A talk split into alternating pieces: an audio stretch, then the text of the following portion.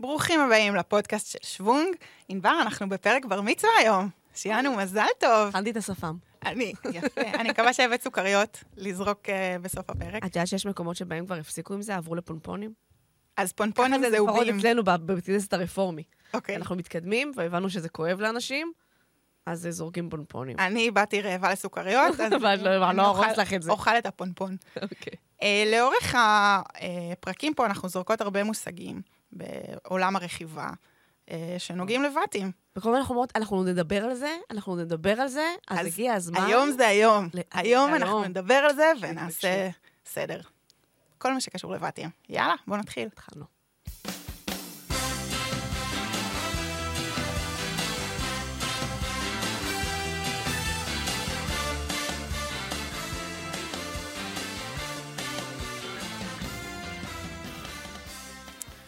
את רוצה לפתוח עם כל מיני התייחסויות מעניינות שקיבלת לפרק הקודם עם יאיר להב? אז קודם כל היה לנו באמת פרק אה, מרתק, ואני חושבת שמה שהיה יפה ומעניין, זה שבסוף אנחנו נורא תולים תקוות במחקר האחרון שיסביר לנו למה, ו- וזה...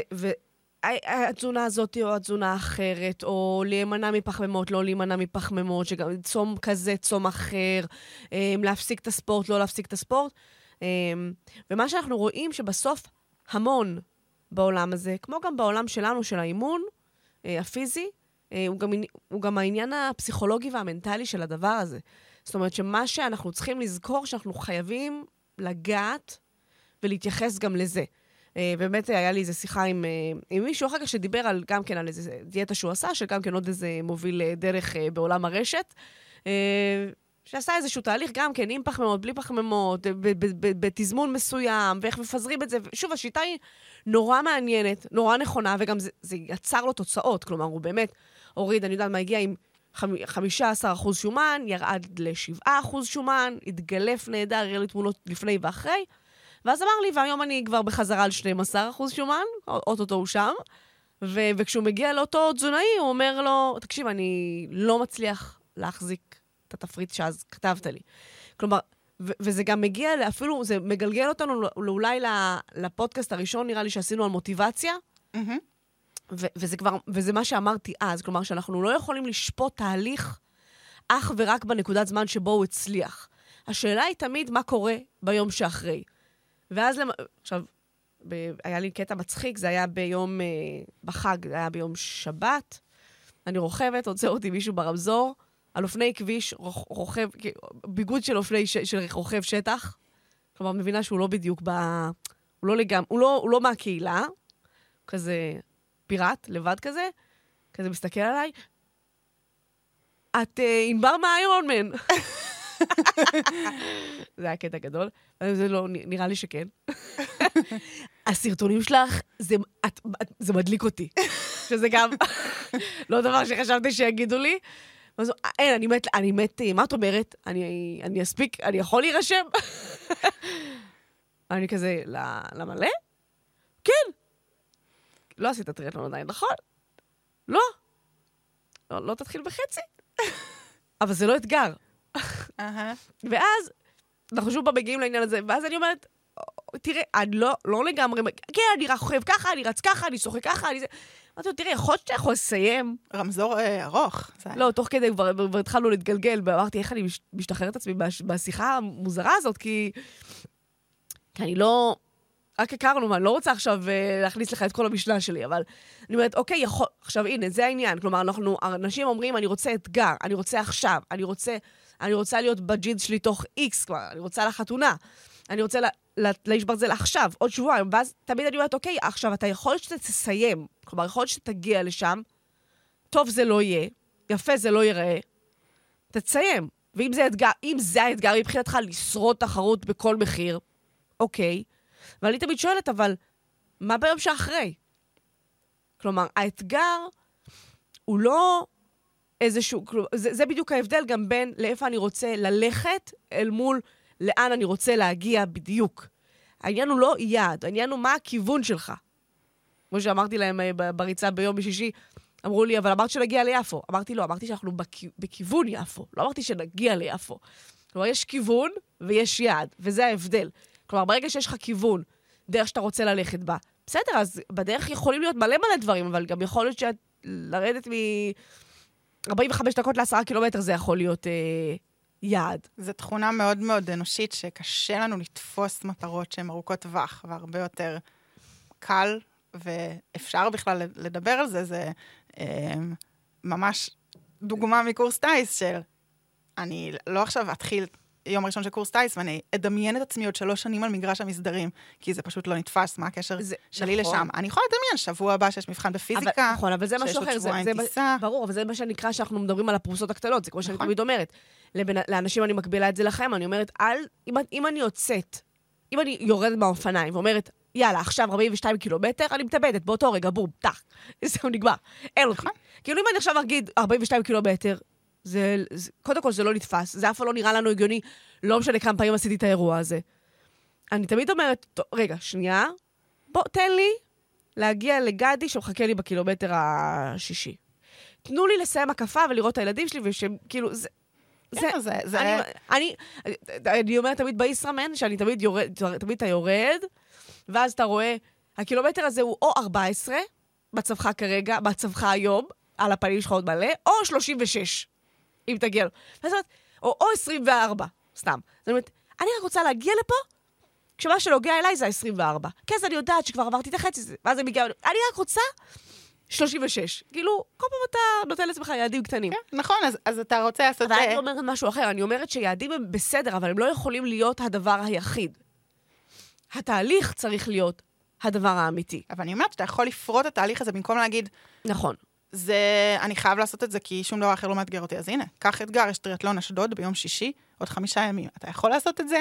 כאילו, אולי תיקח יעדים בדרך נכון. שילהיבו אותך, ולא תגיד, בדיוק, וואי, אני אחכה נכון. עכשיו שנה שלמה. נכון, אבל זה גם באמת גם להתמסר לאיזשהו תהליך, גם ליהנות, כלומר, מה שאני אומרת זה ליהנות מהמם. מהתהליך. אני נוסעת להוואי בעוד איזה שבועיים, שבועיים וחצי. עכשיו, אני לקחתי על עצמי איזושהי החלטה שאני רוצה להתאמן לתחרות הזאת, אחרי הרבה תחרויות שהגעתי אליהן, בלי באמת להתאמן אליהן באופן ספציפי. ו... וברור שיש לי גם יעדים ומספרים ורצונות ועניינים ומה, ומה בא לי שיקרה, אבל אני גם באמת נורא נהנית מהתהליך. כלומר, נוצר פה משהו נורא יפה. ואז אני אומרת, אוקיי, אז הבונוס יהיה שאני אולי אצליח להשיג את מה שאני רוצה, אבל אני כל הזמן מזכירה לעצמי, אבל זה לא מבטל את העובדה שכיף לי עכשיו, וזה איך- חשוב לא איך פחות. יודעים, איך יודעים שענבר זהבי נהנית מהתהליך? כולם סובלים. כל מי שאני מדברת איתו, שיצא איתה לאימון ספציפי לקונה, חוזר מפורק ולא רוצה להתקרב אחרי חודש אליה. שיא כבר, שיא. כולם מתפרקים מסביב, וענבר נהנית. ככה יודעים. לא, אני גם, תראי, וזה גם מין חלק מהעניין, כן, עכשיו נגיד, אני כן כבר בת- בתקופה שכבר עייף לי. שכבר עייף לי. אבל מה שאני אומרת זה ש... מזל, זה עוד שבועיים. בדיוק, אז עכשיו, אז בסופו של דבר, גם זה מה שיאיר דיבר עליו, כלומר, אוקיי, ספורט עכשיו, האם הוא משרת את הירידה במשקל? לא בטוח. אבל מה קורה בהמשך? המעגל של האנשים שבו אתה מקיף את עצמך, האם הוא מה שיגרום לך להמשיך להתמיד בתהליך או לא? כלומר, אנחנו לא בודקים שום תהליך, וגם לא איש ברזל, בהצלחתו כרגע. כלומר, כשאני מביאה בן אדם לאיש ברזל, הנה עכשיו נגיד, היה גם את המקרה ש... שהיה לנו הרבה חבר'ה שהתאמנו ל... ל... לישראמן, לישראמן בזמנו, אה, בתקופה של הקורונה, שעוד תחרות התבטלה ועוד תחרות התבטלה ועוד תחרות התבטלה, ואז אנשים שהתכוונו להתאמן לאיש ברזל נורמלי, סטנדרטי, מצאו את עצמם בלי תחרות ואמרו, טוב, אז אני, אז אני הולך לישראמן. עכשיו, אני, עכשיו, אני בגדול לא, לא מאמינה גדולה בישראמן כת, מלא כתחרות ראשונה. כי אני חושבת שזה קפיצת מדרגה גדולה, גבוהה מדי. כמו שאמרתי, קודם כל תעשה איש ברזל שטוח, סטנדרטי. תתחיל מחצי ישראמן, תתקדם. זה בוודאי, אבל אני אומרת, גם עשית חצי ישראמן, עשית... מחצי ישראמן הקפיצה היא לא לישראמן מלא, כי זו תחרות באמת שהיא אולטרה קשה, ארוכה מאוד. בוא תעשה תחרות סטנדרטית, תעבור אותה, תתמודד איתה, ואז תעבור לשלב הבא. אבל פתאום פה נוצר, נוצר מצב שאנשים רצו תחרות, שלא דורשת מהם לעבור מגבלות קורונה ולצאת מהארץ. אז, אז אני עכשיו, יכולתי לקבל את זה, שבן אדם כבר מתאמן שנתיים לתחרות שלא קורית, משחררים לו את הישראמן הזה. אה, אבל גם אז אני, אני אימנתי אותם לא כמו שהייתי מאמנת בן אדם שעשה כבר איש ברזל. כי אני, בן אדם שעדיין לא עשה איש ברזל, אני לא יכולה כבר לאמן אותו לשלב הבא. אני אימנתי אותם כמו לאיש ברזל רגיל, ועוד טיפה בידיעה שזאת לא תהיה התחרות הכי טובה שהם עשו. כלומר, שזה לא הישראמן, שאם הייתי מאמנת אותם היום לישראמן אחרי שהם כבר עשו שני אנשי ברזל אחרים, הייתי מאמנת אותם בצורה יותר אגרסיבית. אבל אני לא רציתי אותם פצועים, ואני לא רציתי אותם פורשים יום אחרי. כלומר, רציתי שיסיימו, ואז גם ילכו לעשות תחרות שבאמת יש... יש לה קו סיום והפקה. יש לה קו סיום והפקה וזה. ו... ואימנתי אותם טיפה אחרת, וזה, וזה, וזה, וזה עשה את התוצאה. כלומר, הם לא, הם לא עשו את התוצאות הכי טובות שלהם, שהם יכלו. אבל הם סיימו עם אורך נשימה, בריאים, כשירים, להמשיך את החיים בתוך הענף הזה, וזה דבר שהוא חשוב לי לא פחות, כי בסוף, אני חושבת שהעניין הוא באמת לייצר הרגלים ודרך, וזה יותר חשוב מאשר מתי הבן אדם מגיע ליעד, כמה מהר, ו... והאם הוא או שם את החותמת. אני שמחתי מאוד שקיבלתי על הפרק הקודם uh, עם יאיר להב, על uh, השפעה של ספורט, על ירידה במשקל, הרבה התייחסויות, לאו דווקא אפילו מקהילת הטריאטלון. נכון. והרבה יותר רחבות, אפילו מחברות שרק עושות הליכות, ובאמת, נכון. זה נגע להרבה יותר אנשים, וזה היה כיף uh, לשמוע שיש לנו מאזינים מכל כך הרבה, מקשת נכון. uh, רחבה. Uh, אם נכנסתם לפרק בנושא ואטים, לא בטוח שאתם אנשים שעושים הליכות. אה, אבל ככה, לפני שנתחיל באמת בעיקר, אני רוצה אה, להוסיף תיקון קטן על הפרק בו דיברנו על המסקנות מטאלין. אז אנחנו מזכירות את השחיינים שנשמו מים לתוך הריאות, ואני כיניתי את המכסה שמפריד בעצם בין מערכת הנשימה למערכת העיכול אה, קרינה, וזו טעות, אז תודה לדוקטור טל אגמי ודוקטור נדב מזרחי, מאזינים אדוקים, שתיקנו אותנו. אז השם של המכסה קוראים לו אפיגלוטיס. קרינה זה באמת גם שסתום, אבל... שסתום לא... כן, ש, שמחבר את שתי הריאות, אבל הוא לא המכסה שמכסה את הכלי נשימה ומונע ממים להיכנס. אז שתדעו שהמציג איננו רופא. בהחלט לא. אבל המאזינים, חלקם כן. וזה מזל, הם מתקנים לנו. טוב שיש רופאים בקהל. בדיוק. אז, אז היום אנחנו נדבר באמת על ואטים. עכשיו, חשוב לי להתחיל ולהגיד, לפני שכל מיני אנשים שאין להם ואטים מחליטים שזה לא בשבילהם, שבסוף תמיד אני, תמיד לפני שאנחנו עושים גם את ההרצאה הזאת לחברי הקבוצה, כל מי שמייצר ואטים, אני אומרת להם, תעלו. גם אם... כי בסוף ואטים זה נוגע לכל בן אדם ששם את עצמו על האופניים. גם אם זה לא... ואטים זה מה שמודד את ההספק שאתה מייצר, אבל כולם מייצרים ואטים, לא כולם מודדים אותם. אבל, ותכף אנחנו, תוך כדי דיבור והסברים על המונחים השונים, תבינו למה כל בן אדם שמנהל את הכוח שלו על האופניים, צריך לדעת את זה גם אם זה לא נמדד לו מספרית מול העיניים. הוא צריך להבין את העקרונות. אמ, אז נתחיל בכלל ממה זה מד ואטים, מד הספק, שמודד את ההספק שאנחנו מייצרים, שעוזר לנו, לנו לנוע. כן. אז יש כל מיני סוגים של מדים, זה בעצם uh, מדד שנכנס לפני 20 שנה. uh, לעולם הרכיבה, ואז הוא היה מאוד מאוד יקר, ומתי מעט יכלו להתגאות נכון. בו, זה היה באזור... הלך כמו האופניים בערך. אז זה היה באזור ה-15,000 שקל, בכלל, כשזה הגיע לארץ, אני מניחה נכון. שזה גם כמה שנים באיחור. Uh, כיום המחירים הרבה יותר סבירים ונעימים לצרכן, בין 2,000 ל-3,000 שקל, אפשר למצוא גם בפחות אם לוקחים uh, מדדים שמודדים רק בצד אחד וכל מיני טריקים. Uh, לא ניכנס uh, לדוקטורט בסוגי המדידות והשוני ביניהם, אבל בגדול אפשר למצוא uh, מד ואטים על הפדלים, שמודד בין אם זה בפדל אחד ובין אם זה בשניהם, אז אתם מחליפים את הפדל והוא מודד לכם. Uh, יש מד שנמצא על הקרנק uh, או על הזרוע. אה, שגם מאוד פופולרי, אה, למשל יש את Power to Max, שאחד המדים הכי אה, שכיחים שאפשר למצוא בארץ, שעובד מצוין, ואפשר אפילו למצוא מדדים בנאבה, שזה בעצם הציר של הגלגל. אז זה נכון. בגדול המשפחות הגדולות, בג... לא כל כך משנה, בדיוק. העיקר שאתם יודעים. בדיוק, מה המספר.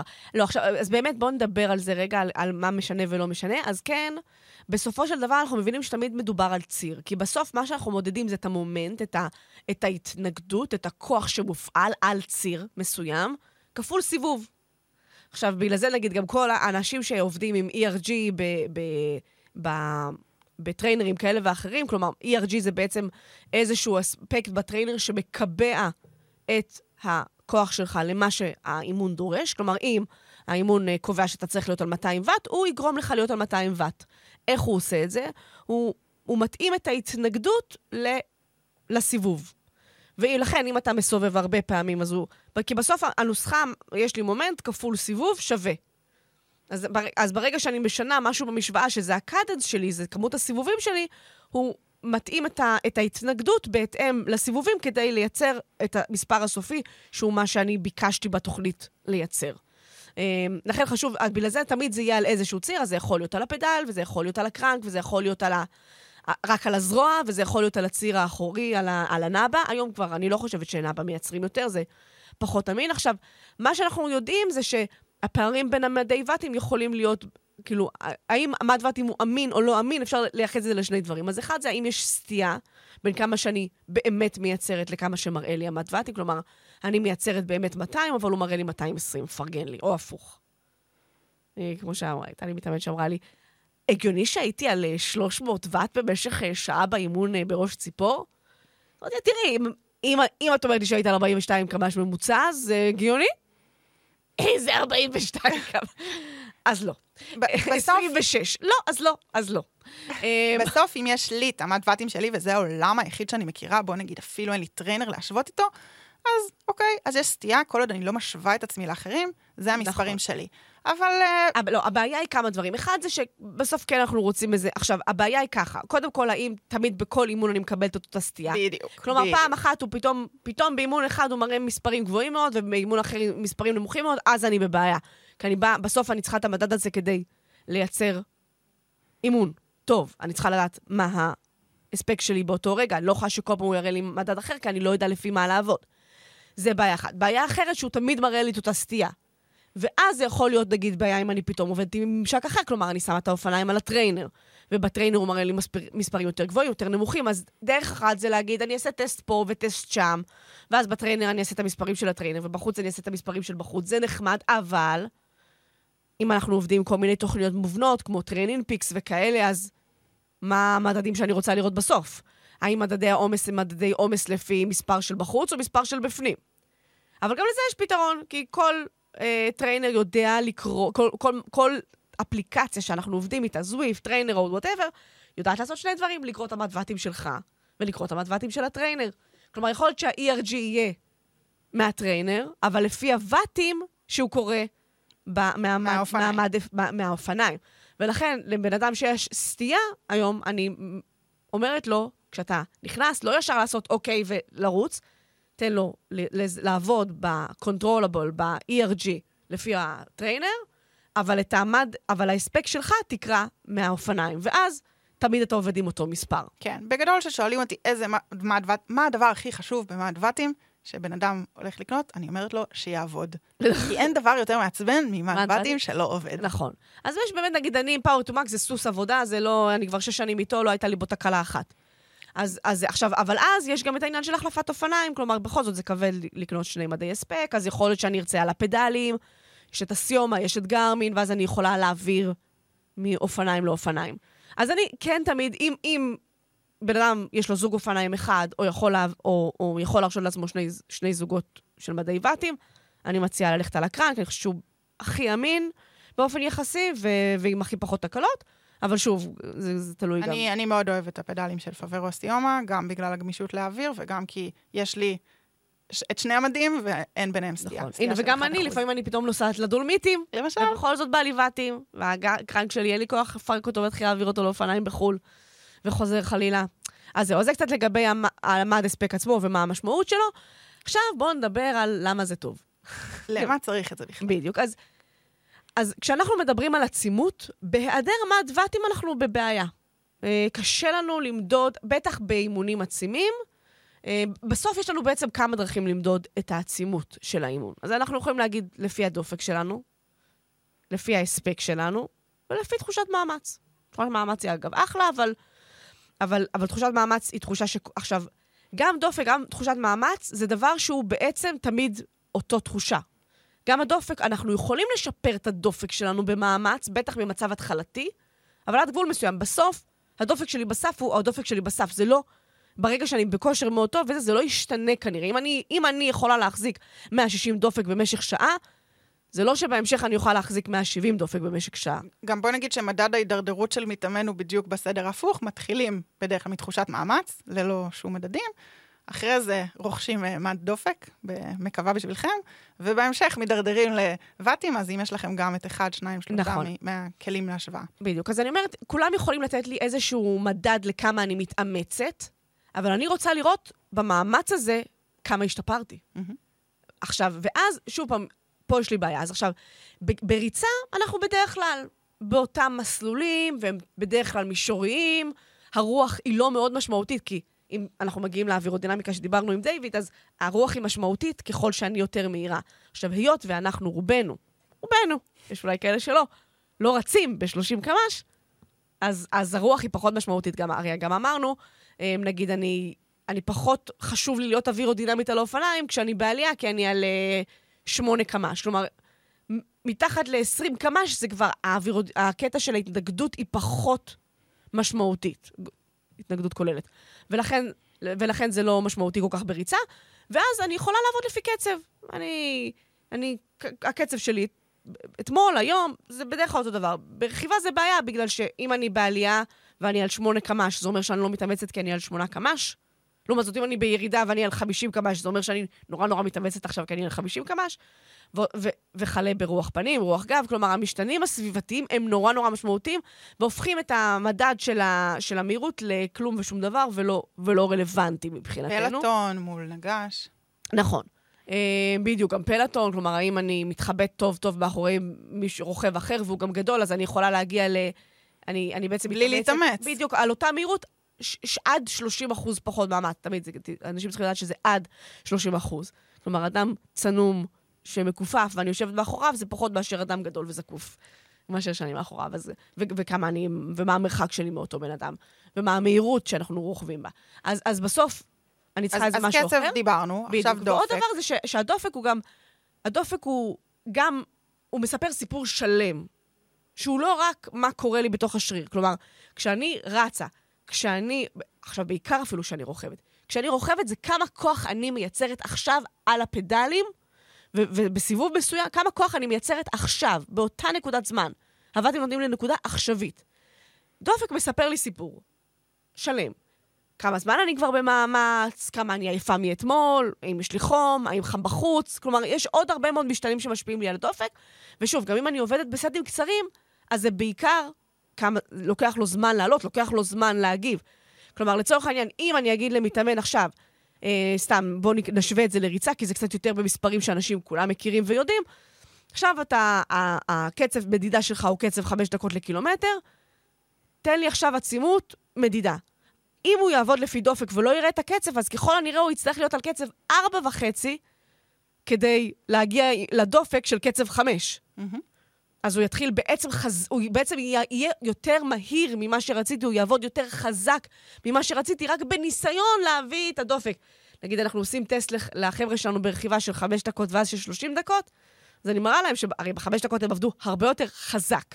הם היו על 120 אחוז מהיכולת שלהם, ובטסט על 100 אחוז ביכולת שלהם, ועדיין הם לא תמיד הגיעו, הם לא הגיעו לדופק שהם מחזיקים ב-30 דקות. בוודאות סתם, הם לא הגיעו. הם לא הגיעו, בדיוק. עכשיו, אולי, אולי ב peak בנקודה, בטח לא בממוצע של החמש דקות. נכון, אז אפילו שהדופק רגעי והוואטים רגעיים, אז הדופק הרגעי לא מספר סיפור של אותו רגע, לעומת זאת, הוואטים של אותו רגע כן מספרים בדיוק. סיפור אז, של אז אם אנחנו מסכמים פה את העניין הזה, עכשיו, ויש כמובן את ה cadence, ש cadence הוא בוודאי לא מדד לעצימות. אולי חלק, כלומר, מן הסתם אני לא לגמרי לא מתאמצת אם אני על 130 cadence, אבל זה גם לא בהכרח אומר שייצרתי הרבה כוח, mm-hmm. כמו, ש, כמו שאני אולי יכולה לייצר גם ב-80 cadence. שוב, יש לזה מגבלות. יש גבול לכמה אני יכולה לייצר ב-20 cadence, גם אם אני קופצת מעזריאלי על הפדל. בסדר? חד פעמי. אבל, אה, אז מה שאנחנו אומרים, אז יש פה כמה דברים. אז אחד, מבחינת עצימות, אמרנו, זה נותן לי את הנקודה הכי, זה נותן לי את הדיוק הכי מרבי לעכשיו.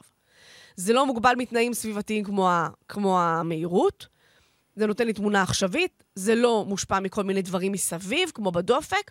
והדבר האחרון שהתחלתי בו, שזה מאפשר לי לראות שיפור. בגלל שבו אמרתי, גם פה התאמצתי 10 מתוך 10, וגם כאן התאמצתי 10 מתוך 10, אבל פה ה-10 מתוך 10 שלי נתן לי 300 ועד, כי נורא השתפרתי, ופעם, איפה שפעם זה נתן לי 220. Mm-hmm, אז, אז עדיין התאמצתי אותו, אותו דבר, אבל אני רוצה לראות מה, מה הוליד לי המאמץ הזה, וכמה השתפרתי, ועוד דבר חשוב, שזה ממש נותן לי, מאפשר לי לא רק לראות כמה אני משתפרת, אלא גם לאפיין את עצמי. איפה הפערים שלי? אני מצליחה להחזיק, או אמנם אני מצליחה להחזיק חמש דקות 300 ואט, אז היית חושבת שהסף שלי הוא 240, 250, אבל לא. מצליחה להחזיק, במשך שעה אני לא מצליחה להחזיק יותר מ-200. אז יש לי יכולת לטווח קצר, אבל איפשהו זה מתמוסס לי לאורך זמן, או אפילו יותר מזה. ותכף גם אנחנו נדבר על זה ו- ונבשיל לזה. הרי בסוף הרבה מאיתנו משתמשים בבתים כי הם רוצים אסטרטגיה ליום של תחרות. כלומר, הם רוצים לדעת כמה אני יכול להחזיק מבחינת עצימות במשך תחרות ארוכה, כדי בסוף לרדת ולתת גם ריצה טובה, או, או לאנשים שהם... עכשיו בואו נדבר רק על רוכבים. בן אדם שהולך לעשות את האפיק, או איזשהו אירוע שהוא מולטי-דיי. כמה אני... אוקיי, היום אני, אני יכול לח, להתחרע על עצמי כדי לסיים בבוקס A ולהיות על עצימות כזאת וכזאת, אבל מה יקרה לי ב, ביום הבא? Mm-hmm. האם אני אספיק להתאושש מזה ולייצר רצף של ימים שהוא נכון מבחינתי? אז דבר ראשון, לגבי אה, ואטים, אמרנו שזה מאפשר לי להיות מדויקת ולמדוד את השיפור. אה, דבר שני, מאפשר לי לאפיין את החוזקות והחולשות שלי כ- כרוכבת. ודבר שלישי, זה שזה מאפשר לי לבנות תוכנית פעולה, למרות שאולי היום אני ממש עייפה, ו... בעוד שלושה שבועות אני אחרי טייפר וסופר רעננה, עדיין אני יודעת שלמרות שהתחושה שלי תהיה שונה באותו בוקר, אני יודעת למדוד את העצימות שלי ומה נכון לי ולא לפתוח חזק מדי. נכון. ואז גם באמת, תמיד, אני כן אוהבת לתת למתאמנים שלי תמיד גם את הדופק כאיזשהו גבולות גזרה, שיכול לשמש אותם גם כי, וואלה, לא עלינו פתאום, הכל היה בסדר, הכל טוב, באותו יום עמד ואתם לא עבד, וזה קורה הרבה פעמים, ואז אנשים פשוט מאבדים את עצמם. כי הם כל כך רגילים למדד הזה, וברגע שיש להם דופק, הם יודעים להשתלט על האירוע. וזה, הנה, היה, יש לנו מתאמן, צ'יקו, שהיה גם uh, באליפות העולם עכשיו, וזה קרה לו ביום של התחרות. אבל בגלל שדיברנו על זה over and over, וטחנו גם את העניין של עצימויות, וגם, אצלו גם דיברנו על זה הרבה, כי ידעתי שהוא הולך לתחרות שהולכת להיות מאוד, בתנאים מאוד קיצוניים של חום ולחות, ואמרנו שהדופק מספר לי עוד דברים שאני לא צריכה בהכרח להתעלם מהם. כלומר, וגם בשנה שהיינו באוסטריה, דיברתי על זה, וזה, וזה הציל אנשים. כי אם היו רק הולכים עם מבט עם ראש בקיר, הם היו מתעלמים מתנאי החום הקיצוניים שפתאום היו באותו יום, ומחרבנים לעצמם את התחרות. אבל גם עדיין, אבל גם צריך לאזן את זה, כי כן, אם הכל בסדר והתנאים הם לא קשים, אולי יש התרגשות, אולי יש כל מיני... לא צריך... אוקיי, אז הדופק גבוה, אבל אני יודעת שאני מצליחה, לה, יכולה להחזיק את המספרים האלה, אני מחזיקה את המספרים האלה, ושנייה, אני לא מסתכלת על הדופק. אז זה טוב שיש לנו איזשהו מגוון. אה, בואי נתחיל לעבור על... אה, אז מונ... צריך בדיוק קצת על מונחים. מונחים בסיסיים. בדיוק. אז קודם כל, הרבה אנחנו מדברים, בואו נתחיל בבייסיק. כשבן אדם בא למדוד את עצמו, הוא מודד מה שנקרא את ה-FTP שלו. הוא גם מזין את זה לטריינר כדי לקבל אימונים שהם נכונים לו. אז FTP, או, או בהירוך, זה בעצם, זה קיצור של functional threshold power, זה יכול להיות גם פייס, אם אנחנו עובדים בקצב של ריצה. אה, אז בסוף אנחנו מדברים על, ה, על, ה, על ההספק שלי בסף האנאירובי. כלומר, שזה, וזה מאמץ שהוא, שוב, אנחנו לא נחזור ונדבר על מעגלי אנרגיה. גם על זה דיברנו באיזשהו פרק, מי ש... פרק מספר 2. רוצה להבין מה זה בדיוק סף אנאירובי, אירובי, מתי אנחנו נמצאים בכל מקום ועל מה אנחנו רוצים להתאמן בשלבים שונים. לא נדבר על זה עכשיו, אבל כן, אם אני רוצה לדעת מה הסף האנאירובי שלי, אז אני מדברת על עצימות שאני יכולה להחזיק עד שעה. וכשאני מזינה את זה לתוכנות, אז בעצם אה, בדיוק. יש לנו גזירה של אספים, וזה מאפשר לי להגיד לפי המאה אחוז שלי מה זה זון 1, מה זה זון 2, מה זה זון 3, בבתים. בדיוק. ואז עכשיו, אמ, אז, אז יש כל מיני טקטיקות למדוד את זה, יש מבדק של 20 דקות, שמתוך, אני מורידה 5 אחוז, יש 30 דקות, יש, יש את הראמפ טסט, שהוא טסט שבו אני כל דקה מעלה 10 ואט, או יש את זה בכל מיני תצורות, ואז אני מגיעה לאיזשהו שיא אה, כוח שאני מצליחה לייצר, גוזרת מזה איזה 75 אחוז, וזה, וזה, ה, וזה ה, הסף שאני מזינה, זה המאה אחוז שאני מקבלת. עכשיו, הכל בסוף זה איזה שהן הערכות שאני עושה בשטח. כמובן שאני גם יכולה לעשות את זה במבדקי מעבדה, ואז גם שם יש כל מיני פרוטוקולים. גם במבדקי מעבדה, אגב, זה לא שהפרוטוקול הוא פרוטוקול יחיד. כי גם, הנה, נגיד שאני הגעתי למבדק מעבדה, אז באמת עניין אותי כספורטאית של מרחקים ארוכים, זה לא בהכרח להגיע לצח"ם הכי גבוה, לצריכת חמצן המרבית שלי, ולראות כמה אני מצליחה הכי הכי הרבה להחזיק בחמש דקות, לדקור את הנקודה הזאת. לי זה פחות היה חשוב. היה לי יותר חשוב גם לראות איפה הסף האירובי שלי. Mm-hmm. כלומר, עד איפה אני שורפת בעיקר פחמימה, בעיקר שומן, מתי אני מתחילה להסתבך יותר על פחמימה, כדי להבין מה, מה, אני, מה, אני, מה השרידות שלי ואיפה אני יכולה להחזיק נכון להיום מרחקים ארוכים. זה מה שחשוב לי, או חשוב להרבה מהמתאמנים שאני אשלח אותם למבדקי מעבדה, גם על זה כבר נעשה איזשהו פרק במיוחד, אבל... ולפעמים יותר חשוב לי לראות מה אני בשיא שלי. אז גם במעבדה יש פרוטוקולים שונים. כן, היתרון במעבדה שאפשר לבדוק דברים שאנחנו לא בודקים בשטח, כמו דם, כמה לקטט יש, כמו בדיוק. חמצן, נכון. פחמן דו-חמצני וכולי. כלים. יותר מתוחכמים. וגם יש שם בדרך כלל די- דיוק מעט יותר גבוה, למרות שגם מבחני שטח יודעים לתת תמונה טובה.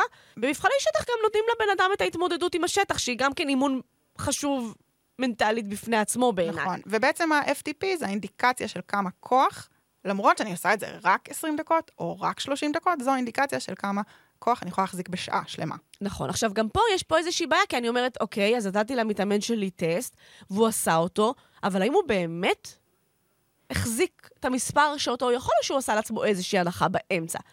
ואז גם פה יש איזשהו עניין, כי ריצה, הרבה פעמים אנשים כבר רצים תקופה, וכבר עשו פה, פה מרוץ, שם מרוץ, שהם מגיעים אליי, והרבה פעמים אנשים שמגיעים אליי מעולם הרכיבה, או שמים פעם ראשונה מדוותים, הם תמיד סתם או שלא רכבו בכלל, או שרק רכבו... רוכב שמגיע והוא נורא נורא מתחיל, ובכלל לא מבין את המספרים האלה ואיפה הוא מתחיל להסתכל עליהם ומה הוא יכול לייצר. דווקא נגיד להם, אני בדרך כלל כן אעדיף לעשות את הרמפ טסט, כי בדרך כלל מנטלית יותר קל להם להחזיק אותו, כל דקה לעלות קצת, זה נמשך טיפה, הרבה פעמים פחות זמן, יותר קל להם בזה. אה, בן אדם שהוא כבר מהוקצב, ואולי גם אפילו ספרינטר מאוד מאוד טוב, אז הרבה פעמים יכול להיות שהוא גם מקבל תוצאה מוט- מוטית.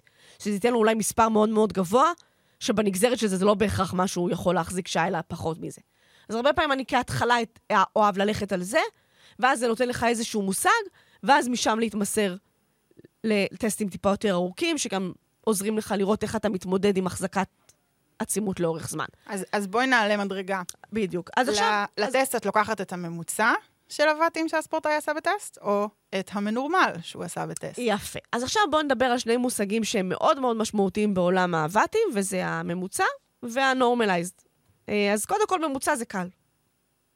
ייצרתי במשך דקה ואט, ואז בדקה הבאה ייצרתי שלוש דקות, ממוצע ייצרתי שני ואט. בסדר? עכשיו, מה הבעיה אה, בנתון הזה? ועכשיו אנחנו נגיע לדבר שאני אגיד אותו כמה פעמים ב, ב, ב, במשמעויות שונות. וזה, איך אמרו, איך אמר אורוולד, אה, כל ה... כולם שווים, אבל יש כאלה ששווים יותר וואי וואי. בחוות החיות, אה, על הקומוניזם. אז, אז, אה, אז גם בבתים, כל הבתים שווים, אבל יש כאלה ששווים יותר. עכשיו בואו נדבר על מה זה אומר. ופה שוב פעם אני אעשה איזושהי התאמה לריצה. אם נגיד אני, הקצב שלי, ב...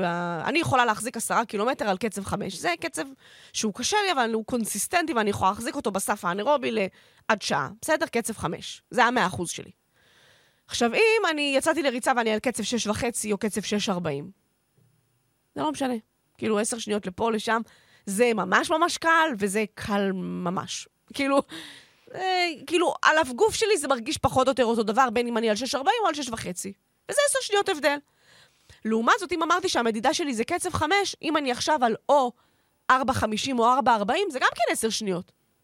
אבל 4.50 זה וואלה מאמץ, שאני יכולה להחזיק אה, 6 דקות, 8 דקות, 10 דקות אולי, ו-4.40, אם ה-100% שלי זה 5, אני יכולה להחזיק את זה 2 דקות. כלומר, זה אותן 10 שניות, רק שהמשמעות שלהן על הגוף שלי היא מאוד מאוד גדולה. Mm-hmm. כלומר, אז ככה גם קורה עם ואטים. אם הסף שלי הוא 200, אז הפער שלי בין 240 ל-250 הוא הרבה יותר גדול מאשר הפער שלי בין 90 ל-100. Mm-hmm. וזה אותם 10 ואט. עכשיו, כדוגמה נוספת, אם עכשיו אני יוצאת לאימון, ואני רצה כל הזמן על קצב 6, כל הזמן, קבוע, קצב 6, שוב, 5 זה המאה אחוז שלי, קצב 6 כל הזמן, אז הממוצע שלי הוא קצב 6. אם אני עכשיו יוצאת לאימון, ואני נתתי ספר... אינטרוולים על קצב 4, 40, 4 וחצי, ואז התאוששתי בהליכה, יכול להיות שגם סיימתי על קצב 6, ממוצע. אבל זה היה אימון אינטרוולים שאני... עד יום, יום למחרת אני עדיין מרגישה אותו ברגליים. וזו הייתה ריצה קלה, שכבר בערב אני יכולה לצאת לעוד ריצה, וזה לא, כן. לא הזיז לי. לצורך העניין עשית דקה על ארבע וחצי, דקה על אה, חמש וחצי, ממוצע חמש. בדיוק. לא אותו דבר כמו בדיוק. לרוץ חמש, קבוע. בדיוק. אז אנחנו אומרים שאנחנו רואים פה שיש את אותם ואטים, את אותו, כאילו, ואט אחד, שמופיע לי במערכה אחת, או מופיע לי במערכה האחרונה, במערכה אחרת, אבל מבחינת הממוצע, הם אותו דבר. הוואט הזה או הוואט הזה הם אותו ואט. וזאת בדיוק הבעיה של הממוצע. שהוא הוא נותן לי מספר שלא בהכרח מעיד על המאמץ שלי. Mm-hmm. עכשיו, אני אמרתי שמה מעניין אותי באופן משמעותי בעולם הוואטים, זה לדעת לנהל את הכוח שלי. Mm-hmm. עכשיו, אם אני מקבלת מספר שלא מעיד על כמה התאמצתי, אני בבעיה. כלומר, אם הייתי על, אמנם הייתי על 150 ממוצע בתחרות איש ברזל, אבל התאמצתי כאילו הייתי על 200, אני לא, אני לא ארד לריצה כמו שאני ארד מ-150, שהתאמצתי 150. ולכן הגיע, ומכאן הגיע הנורמלייז שעושה איזושהי אדפטציה על, על הממוצע, על הנתונים שמייצרים את הממוצע, כדי לתת לי מספר שמראה אנרגטית כמה התעייפתי, או במילים אחרות, הת... רצתי על קצב 6 ממוצע, אבל התאמצתי כאילו באופן קבוע החזקתי קצב 520. מהמם. הייתי על ואטים שהם 150, אבל, אבל הנורמלייז הוא כאילו, כאילו, אם הייתי מחזיקה מאמץ קבוע, המאמץ הקבוע הזה היה 180, מהמם. בסדר? ולכן אני מקבלת מספר שיותר אני יכולה לבוא איתו אנרגטית, ול, ולכן גם, הוא גם המספר שמייצר לי את ה-FTP. כלומר, בסוף, כשאני, אם ספורטאי סיים ש- טסט 30 דקות, מה שמעניין אותי לקבוע את ה-FTP שלו, זה מה היה ה-normalized power שלו ב-30 דקות, ולא מה היה הממוצע שלו. מהמם. בסדר? אה, אז- וגם בתחרות, אנחנו בדרך כלל נתייחס לנורמלייז, כמספר שאנחנו מכוונים אליו.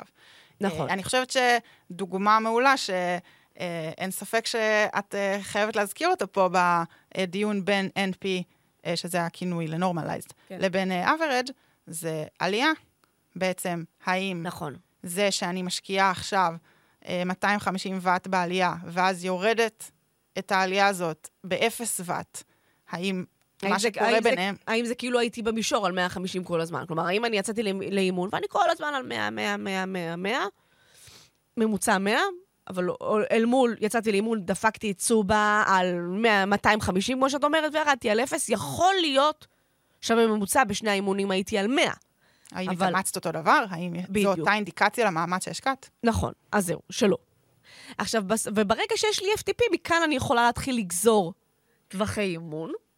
אמ, עכשיו, תכף אנחנו נדבר על זה וזה, אבל הר- עכשיו, ש- ועכשיו תהיה השאלה, כאילו, הרבה פעמים בסוף, אחרי הרבה מאוד מונחים, שואל המתאמן, רגע, אז על מה, אז על מה לשים דגש? מה עכשיו חשוב לי? זה, אני, על ה-NP, על ה-average, על ה-FTP, על ה-AJV, על ה... הייתי חייבת. אמ, אז מה... ואז, עכשיו, ואז גם פה אין איזו תשובה שהיא מדויקת ונכונה, ואנחנו גם תכף נדבר על זה. כאילו, אבל, אבל זה... הרבה פעמים אנשים יוצ... מחפשים שבלונה. אומרים לי, אני יודע שאני צריך... אה, בסדר, אז זה המאה אחוז שלי, 200, ואני צריך להיות... אני הבנתי שאני בתחרות איש ברזל צריך להיות על 70 אחוז, שזה גם אמירה בעייתית מאוד. זה אומר שאני אהיה על 140, זה אומר שאם אני רוצה להחזיק את התחרות על 150 ולא על 140, אני פשוט צריך להעלות את הסף שלי ל-212. לא יודעת. לא בהכרח. מהמם. כלומר, עכשיו, ואז השאלה היא, עכשיו אני רוצה להשתפר, מה אני עושה? ואז פה צריך להבין שיש כל מיני מקומות לתקוף אותם, ואז גם השאלה היא בספורטאי וזה. עכשיו, האם תמיד, האם באמת איש ברזל עושים על 70 אחוז? לא בהכרח. יש כאלה שיעשו את זה על 60 אחוז. יש כזה, כאלה שספורטאי עילית עושים את זה על מעל 80 אחוז. מהמם. בוא לא נשכח, עכשיו הנה, גם בוא לא נשכח שהם עוזבים את האופניים הרבה יותר מהר מספורטאי אחר, וזה גם כן שאלה. כלומר, בסוף, כשאני גוזרת עצימות למרחק, אני צריכה לזכור כמה זמן אני הולכת לשהות נכון. במרחק הזה. שבע וחצי שעות על אופניים שונה מארבע שעות. בדיוק, או אפילו בוא לא נראה כזה, אבל כן, אם אתה הולך לרכב 5.40 ו- וחבר שלך הולך להיות על 7.5, אז הוא הולך לרכב הרבה יותר זמן. אם הוא יהיה באותה עצימות, הוא ייגמר. נכון? נכון? אז, אז אנחנו, עכשיו, מעבר לזה, עכשיו, גם ספורטאי, אם הוא מאומן יותר, ח, חזק יותר, מנוסה יותר. מנוסה יותר, הוא יכול אולי להחזיק 75 אחוז. ואז יכול להיות שה-FTP שלו, הוא בכלל לא ישנה אותו, אבל הוא כן יצליח. ואז, ואז השאלה היא, האם אני, כל האימונים שלי צריכים להיות על הסף, על הסף, על הסף, אמצע שבוע, לדפוק אה, שלושה אימוני trainer, שאני עשר דקות על המאה אחוז, או, או קצת מעל, או קצת מתחת, או over under, או כל מיני דברים כאלה, או רק על הצלחה, או זה, או שלפעמים פשוט, באימוני שבת אני רוצה פשוט לשהות בסטים מסוימים. גם על 80 אחוז לפעמים, ו-85 ו-90, עם התאוששות, אבל כן, מה שאני אומרת, להיות נוח, ללמוד את הנוחות באי-נוחות. מהמם. ומשם אני אתאושש ו- ולייצר מצב שגם, שרכיבות, גם מרכיבות יותר עצימות, אני מצליחה לרדת לריצה טובה יותר בהמשך. אז הכל שאלה של איפה הספורטאי נמצא, אבל זה כמו שאני אגיד, זה זה שבן אדם רוצה לרוץ אה, מרתון יותר מהר, זה אומר שהוא רק צריך לעבוד על, ה- על העשרה קילומטר שלו, כי אם הם יהיו יותר מהירים, אז בנגזרת ישירה, המרתון שלו יהיה יותר מהיר? לא בהכרח, כלומר, אז יש פה איזשהו עירוב, ואז גם זו שאלה מי הספורטאי, איפה הנקודות שמגבילות אותו, מה, על מה הפערים שלו ועל מה הוא צריך לעבוד. כמה ניסיון יש לו, בדיוק, נכון, וגם ניסיון הוא מאוד משמעותי. כמה, כמה הוא אוהב ויודע לסבול. נכון? כן. נכון. אה, נשארו לנו שני מושגים כדי לכסות את אה, מונחי הבסיס, אז כבר הזכרת פה 70 אחוז. אז נכון. בעצם מה זה 70 אחוז? מתוך מה זה? זה כאילו מובן מאליו, אבל אנחנו מדברים מתוך ה-FTP, מתוך ה-100 אחוז שלנו, נכון. וזה נתון חמוד אה, שנקרא intensity factor, IF, אה, שנמדד בין 0 ל-1, או כפול 100 באחוזים, אז למשל 0.7 זה מספר שאתם יכולים לראות, והוא אה, עוזר לי לכמת את המנורמל שלי חלקי ה-FTP, כמה זה נותן לי ב- באחוזים. אה, אז פה באמת אפשר לתת כל מיני חוקי אצבע למה זה רכיבת שחרור, שהיא מתחת ל-0.75, מה זה טסט, שאמרנו שזה 1, 100 אחוז, נכון. אמ, ואפשר להגיד שבמרוצי כביש, שיש בהם כל מיני אינטרוולים, כל מיני עצמויות, אנחנו לפעמים רוצים להיות יותר מה-100 אחוז, טריאטלון ספרינט, אנחנו רוצים להיות 90 אחוז וכולי, אז זה ממש אה, אחוזים שקל אה, להיאחז בהם וקל מאוד להבין אה, לשאלת הספורטאי על מה להסתכל, מאוד מאוד קל להבין ולכוון.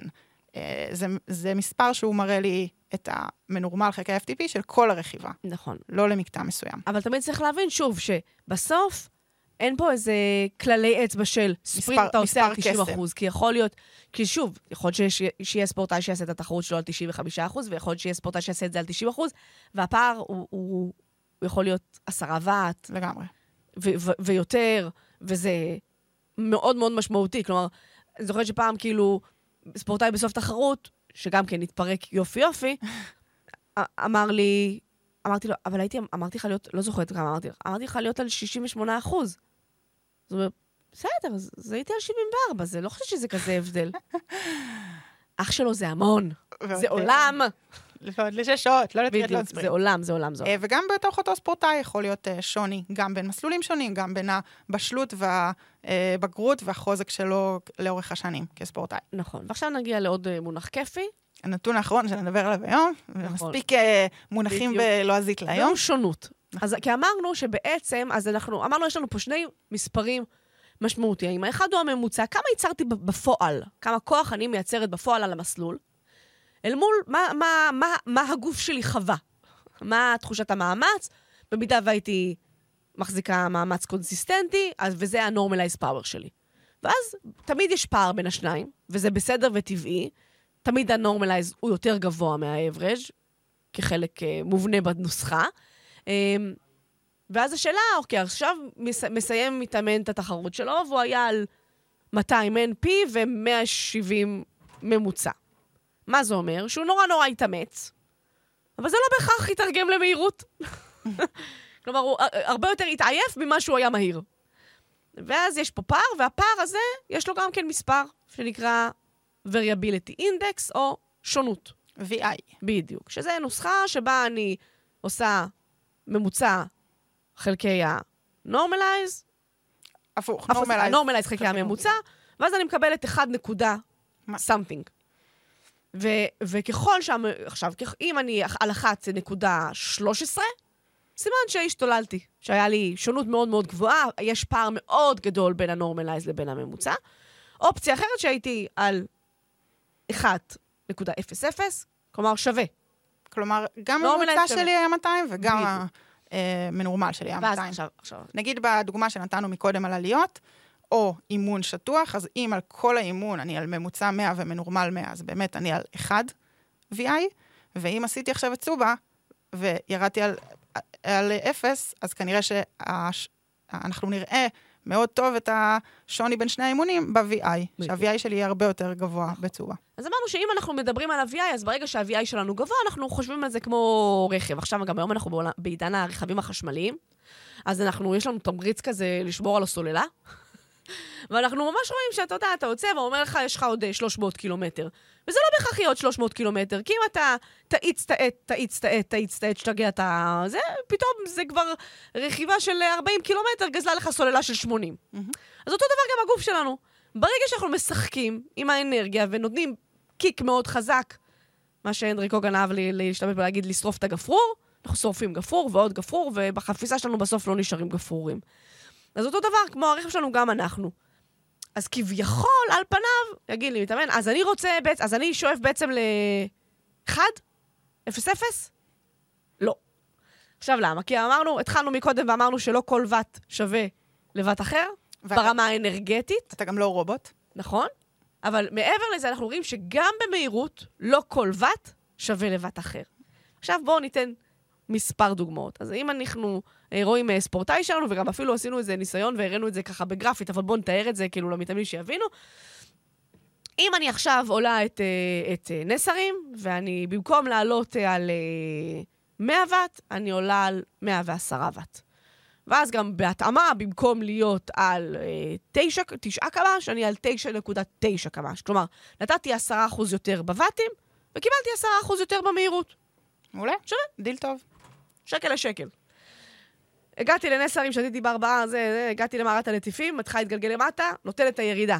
בסדר? עכשיו אני החלטתי לא להיות על, אה, לא להיות על אה, 60 ואט, על 66 ואט. שוב פה נתתי תוספת של 10%. האם גם קיבלתי תוספת של 10% במהירות? לא. לא. לא, לא בהכרח. לא. אה, כי באמת, ואתם גם מכירים את זה, כשאתם עכשיו ברוח גב, כבר אתם על 40 קמ"ש, גם אם אתם תלחצו עוד, אז כאילו, בסדר, אז תגיעו ל... לא תהיו, לא תהיו על 50 קמ"ש, תהיו על 50.2 קמ"ש. בסדר, זה לא... לא הוספתם לעצמכם 10%. אז אנחנו רואים ששוב פעם, אותו ואט, אותו תוספת ואטים, פה היא נתנה לי גם אותה תוספת מהירות, ושם היא לא נתנה לי את אותה תוספת מהירות. פה קיבלתי 10% תוספת בוואטים, 10% תוספת במהירות, פה קיבלתי 10% תוספת בוואטים, לא עוד 0.2% במהירות. מהמם. אז, אז אם אני, יש לי פה ז'יטונים, לא כדאי לשים אותם על איפה שאני לא מרוויחה מהם. ו- ואותו דבר, גם ראינו שנכון ברוח אף ורוח גב. נכון. במהירויות אחרות, אבל כן, עדיף לי להשקיע את הכוח שלי ברוח האף, מאשר עכשיו אה, להרביץ עוד, אני מרגישה כבר ככה גיבורה וחזקה ואני על 40 קמ"ש, אז לתת עוד... אה, עכשיו, עכשיו זה גם, עכשיו העניין הוא פה זה שזה גם, יש פה איזה משהו שקרניקי כזה. כי אנחנו, במקום שבו אנחנו מהירים, עכשיו זה פשוט פעם עניין המנטלי. כלומר, הגוף שלנו מוציא מאיתנו יותר במקומות שאנחנו מרגישים חזקים. עכשיו, אתם מכירים את זה, שאתם חזקים, אתם עפים על החיים שלכם, אתם כביכול, מרגישים מצ- טוב, בדיוק, כביכול, אתם, אתם מהירים, אתם נותנים יותר. כש, ואז, ואז מה קורה? ואז מסתובבים ונמצאים עם הרוח באף, ופתאום אנחנו לא, לא זזים, והמהירות נמוכה, ואז גם הבאסה מתיישבת עלינו, ואז אנחנו מוצאים מעצמנו עוד פחות כוח, והיחס צריך להיות בדיוק הפוך. כי, בהם, כי, כי אנחנו נקבל תוספת מהירות, כלומר, הנה, אז, אז, אז עכשיו, זה אמנם נראה לנו מטופש. בסדר, אז אני לא על 23 קמ"ש, אני על 24 וחצי, גם זה נורא לאט. כן, אבל זו תוספת של קמ"ש וחצי. בזמן שבהפוך, אתה תקבל תוספת של אולי חצי קמ"ש על אותה תוספת של כוח. אז מה את אומרת פה שקשור בעצם ל-VI? אז מה שאני אומרת זה שזה לא נכון שאני לא רוצה שתהיה שונות בכלל. כלומר, אני כן רוצה, כדי... בסוף, המטרה שלי זה לא רק שיהיה לי מספר נורא יפה בקו סיום. אף אחד לא רואה את הוואטים שלי בקו הסיום, זה לא מעניין אף אחד. מה שרואים זה מתי הגעתי לשם. ובשביל זה אני צריכה לדעת אם יש לי כמות מסוימת של אנרגיה להשקיע במסלול, איפה אני שמה אותה כדי להיות יותר מהירה. ואז יכול להיות שאם הוואטים שלי שווים יותר בעלייה, או שווים יותר ביציאה מפרסה, שאני רוצה לייצר מומנט, או ביציאה מפנייה, או כשאני מול רוח פנים, אז אני אשקיע טיפה יותר ואטים במקומות האלה. אני לא אשקיע, אבל ענבר אמרה לי להיות על 150 ואני לא רוצה להרוס את ה-NP, אז אני אתן עכשיו חזק, חזק, חזק, גם כשאני בירידה, כדי לא להרוס לעצמי את הממוצע. לא. אם אתה לא צריך את הוואטים, תשחרר אותם. תנוח, כאילו, כדי בדיוק, שתוכל לתת בדיוק. 155. בדיוק, אם אני עכשיו ברוח גב, ואני עפה לחיים, ואני על 34 קמ"ש, בסדר, אז אני על 33.7 קמ"ש, אבל אני אוריד ואטים משמעותית, ובחזור אני אקבל עוד קמ"ש, כי אני אצליח ל- ללחוץ יותר את הוואטים שאני צריכה אותם. עכשיו, ברור שגם כן, אין פה, שוב פעם, אין פה כללי אצבע, וזה לא ש... כל המרבה הרי זה משובח בעלייה, כי שם אני מרוויחה יותר, אז אני את נטפים אתן על 110 אחוז, כי יש לזה מחיר בסוף.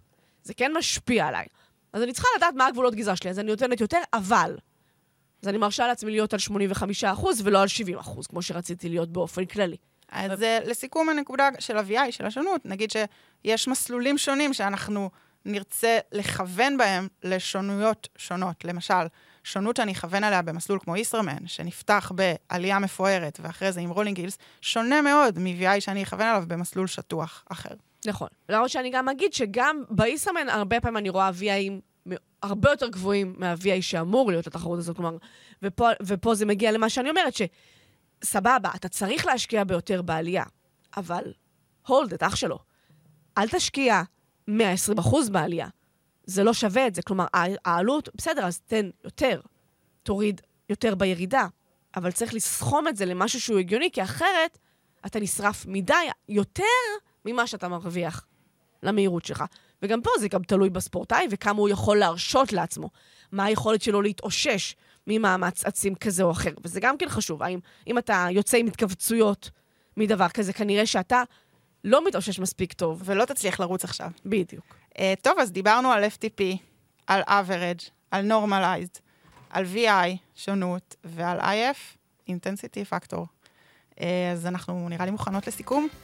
לגמרי. Uh, יש לי שלוש נקודות, ככה לפני המוזיקת הסיום, שלוש נקודות שאני רוצה להגיד. דבר ראשון, שכמו שפתחנו, העקרונות האלה חשובים לכם, גם אם אין לכם ואטים. אתם עדיין מייצרים כוח, מייצרים הספק, בדיוק. וחשוב לדעת מתי לתת בעלייה, בדיוק. ברוח רף, מתי לא לתת. נכון, וגם אם אתם לא. רואים VI, אבל השתוללתם, אתם השתוללתם. כן. אז זה שזה לא כתוב לכם מול הפנים, לא אומר שזה לא כן. קיים. זה עוזר כמובן לדייק את עצמכם. אה, ודבר שני זה שלא צריך לפחד מכל המונחים והאותיות האלה באנגלית שזרקנו פה, לא צריך לחשוש מהשעון, תחיילו את המסכים, תבינו לאן להסתכל, לא צריך הכל ביחד, את כל החמישה, לתפוס הכל, זה באמת קשה. גם תגיעו מוכנים לפני האימון, תדעו איזה מסך אתם רוצים לראות, לאן אתם מסתכלים בכל רגע, ללחוץ את הלפ, גם אחרי האימון. אל תתביישו להסתכל, לשאול את המאמנים מה זה אומר. נכון, לשאול את עצמכם, זה מה שרציתי? מה רציתי בכלל? נכון. אמ, גם אנשים צריכים להבין ש, שזה לא קורה פעם, כאילו, אני לא מגיע לתחרות ואני מצליח להחזיק מספרים ולשמור על VI נמוך ול, ולעמוד בתוכנית. זה דברים שצריך לתרגל אותם. ובן אדם שמגיע לאימון, אה, שרץ וזה, ויש לו מעט הוא אומר לו, כן, מסתכל, לא מסתכל, רואה אחר כך, טופח לעצמו על השכם, לא טופח לעצמו על השכם. מתנהל מתוך האנרגיות של, של, האימ- של האנשים בתוך האימון, ולא מתוך השעון והמדדים של עצמו, שלא יתפלא שבתחרות הוא, הוא לא יצליח לנהל את הדבר הזה. נכון? זה גם עניין שממש ממש חשוב לתרגל. לא מספיק להיות עם אנשים חזקים ש... בדיוק. שימשכו אותך ולהגיד, "אה, איך היה לי אימון טוב. אוקיי, אבל למה כיוונת? מה יצא מזה? בדיוק. אתה יודע לענות על זה. Uh, זהו, עכשיו אפשר לשים מוזיקה של uh, סיום. תודה, גיא. Uh, תודה לכם שהאזנתם. תודה, נועה. תודה, ענבר, ונתראה בפרק הבא.